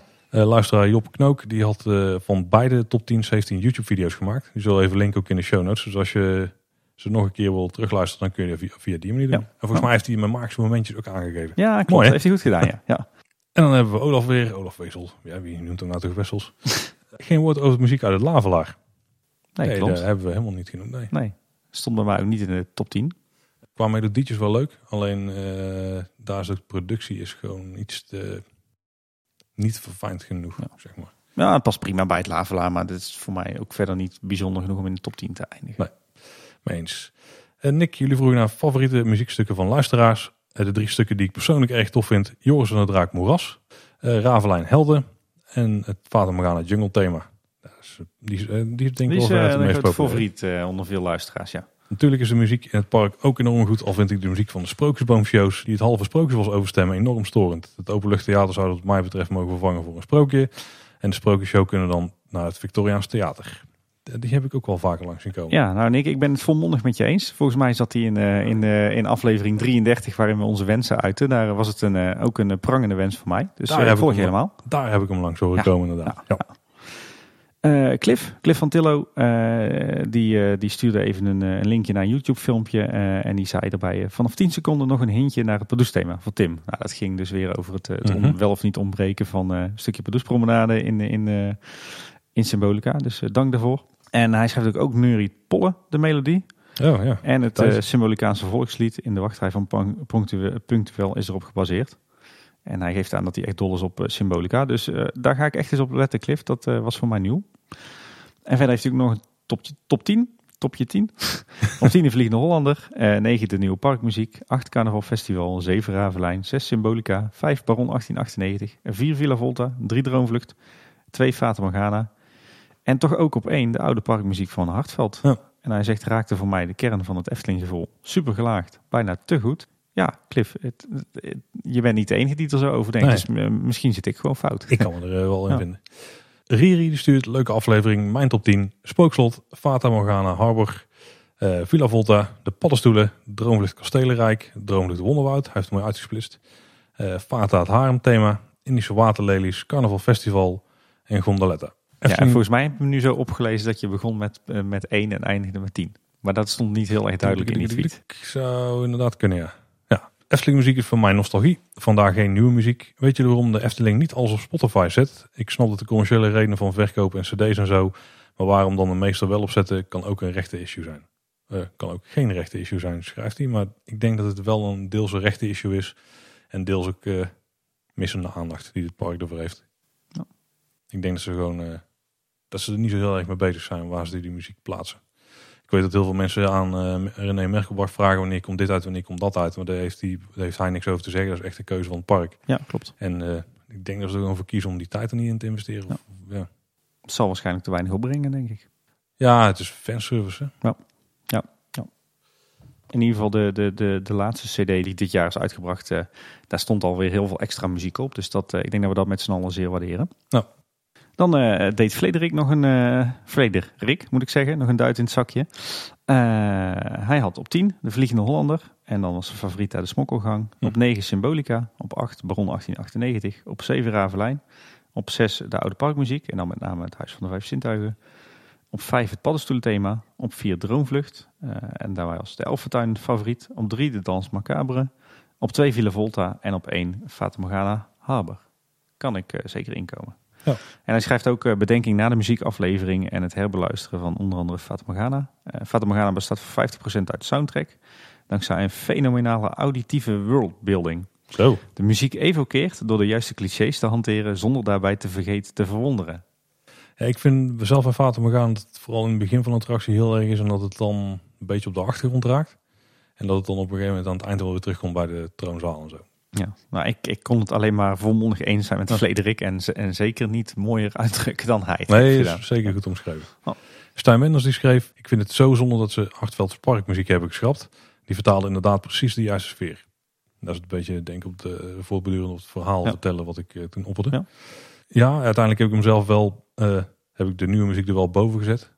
Eh, Roy, hey mannen, toffe Efteling muziek aflevering. Ik vind het erg jammer dat jullie Ding Dong Dingeling niet hebben genoemd. Dat lied werd grijs gedraaid in 2002 in het park. En een prachtig jubileumlied wat heel erg bij ons park paste. Ja, dit is een classic hè. Ding dong dingeling, feesten in de Efteling. Ding dong dingen, daar de Efteling is 50 jaar. Nou ja, als de podcast in wordt ik altijd nog eh, gaan zingen, Tim. Ja, ja, ja, inderdaad. Nee, ja, dat was inderdaad een, eh, een classic. Maar ja, het was ook een verschrikkelijk, verschrikkelijk nummer. Het werd inderdaad grijs gedraaid tot de frustratie van velen. Eh, ik weet nog dat ik toen volgens mij eh, nog op eh, Marenrijk eh, werkte. En eh, toen werd het ook eh, om de vijf minuten gedraaid bij de Lavela monorail. En dan werd, werd al het personeel echt gillend gek. Ah, dat was best een lachen liedje. Maar dat, eh, ja, dan moet ik zeggen dat ik eh, de, de jubileumliederen voor 60 jaar Efteling... en vijf, zeker voor 65 jaar Efteling, dat, dat ontsteeg echt verregaand, dat, eh, dat niveau. Ja, en daar hebben ze dan weer weinig mee gedaan. Ja, jammer genoeg. Ja. Ja. En we hadden nog een mail van Paul. Dat Ja. ben ik niet. Goedenacht heren. Nou, eh, het is wel duidelijk wanneer die ons aan het mailen was.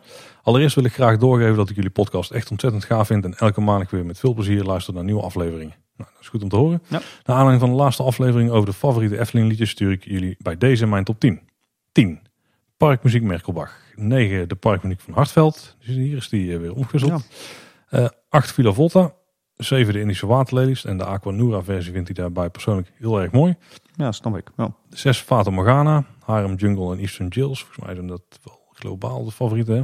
Ja. Eh, vijf de Vliegende Hollander. 4 Joris en de Draak. Uh, dus, oh, het is de eerste keer dat ik die langs zie komen. Ja. Ja. Best ook, ja. ja buiten dan het eh moerasthema. 3 Droomvlucht, Kastelenrijk, Eftel, zo, Alphentuin en de Hemelburgte. Eh eh, helemaal mee eens. 2 Baron 1898. ja, daar ben ik het dan weer helemaal mee eens. En één Sleepy Lagoon van de Magische Klok. Ja. En uiteraard zijn de volgende liedjes een guilty pleasure voor mij.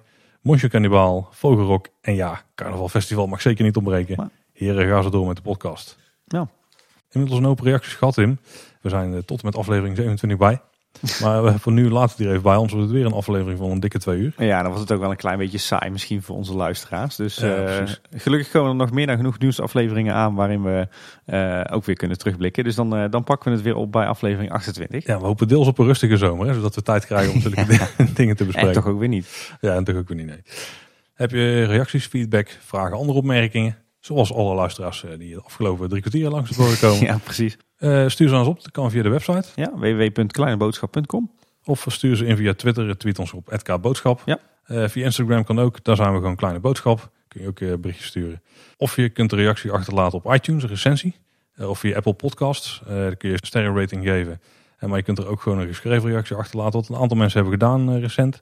Waaronder Tanktop Tip. Ik vind die usernames hier altijd heel mooi. Ja, inderdaad. Ondertussen ben ik een Efteling geleerde. Hele interessante podcast. Een aantal dagen geleden per toeval op gestuurd. En ik wist niet zo goed wat ik ervan moest verwachten. Ondertussen heel wat afleveringen verder en heb onwijs veel geleerd en nieuwe inzichten gekregen. Luister lekker weg onderweg naar het park. Nou, het werk. Oh, naar het werk. Zo.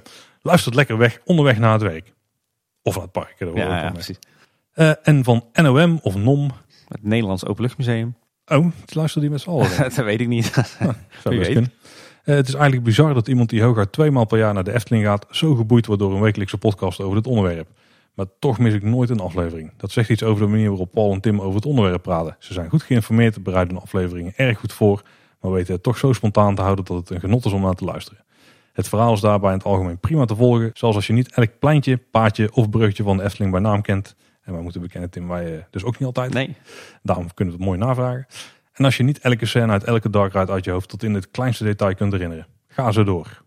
Ah, tof. Echt een hele gave reactie. Dat is eh, inderdaad precies eh, wat we beogen in deze podcast. Ja, dus wil je zelf een review achterlaten, ga dan naar Apple Podcast of naar iTunes en dan kun je daar eh, zelf wat intikken. En dan kunnen wij daar weer iets mee met Ja. feedback. Ja, zeker. Graag. We zijn, alle feedback is welkom, want ja, we zijn ook maar een stelletje amateurs en iedere, er is altijd ruimte voor verbetering. Dus Ja. voel je vrij daar, daarin bij te dragen. Ja, en hou komende week ook zeker de website in de gaten. Er komt een formuliertje op de site. Dan kun je je e-mailadres achterlaten. En iedere keer als we een nieuwe aflevering uitbrengen, dan krijg je 's ochtends een mooie een mailtje in de mailbox met alle show notes. Inclusief alle links die we daarbij plaatsen. Ik denk dat heel veel mensen die missen. Ja. Dus mocht je op die manier op de hoogte blijven, dan, eh, dan kun je het ook horen. En is het meteen een linkje bij naar de aflevering. Heel makkelijk.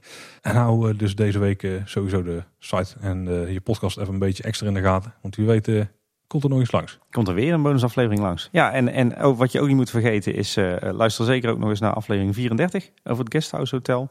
En daar zit eh, misschien een mooie verrassing in voor onze luisteraars. Teasen, teasen. Stem, wie, eh, eh, stem zeker op de Dutch Podcast Award. Eh, hoeft niet per se op Kleine Boodschap. We zouden wel waarderen, maar eh, eh, de Big Four zijn al vier goed. En ehm hou vrijdagavond 10 augustus vrij in je agenda. Want dan hebben we, is het tijd eh, voor avondboodschap. De, la- de avond voor en door onze luisteraars. Het eh, sluiten van een aflevering die tegenwoordig bijna net zo lang als het openen van een aflevering. ja, precies. Nou, tot binnenkort. Eh, in ieder geval tot volgende week. Ja, En, en dan was eh, hij weer. tot ziens. Houdoe. Houdoe.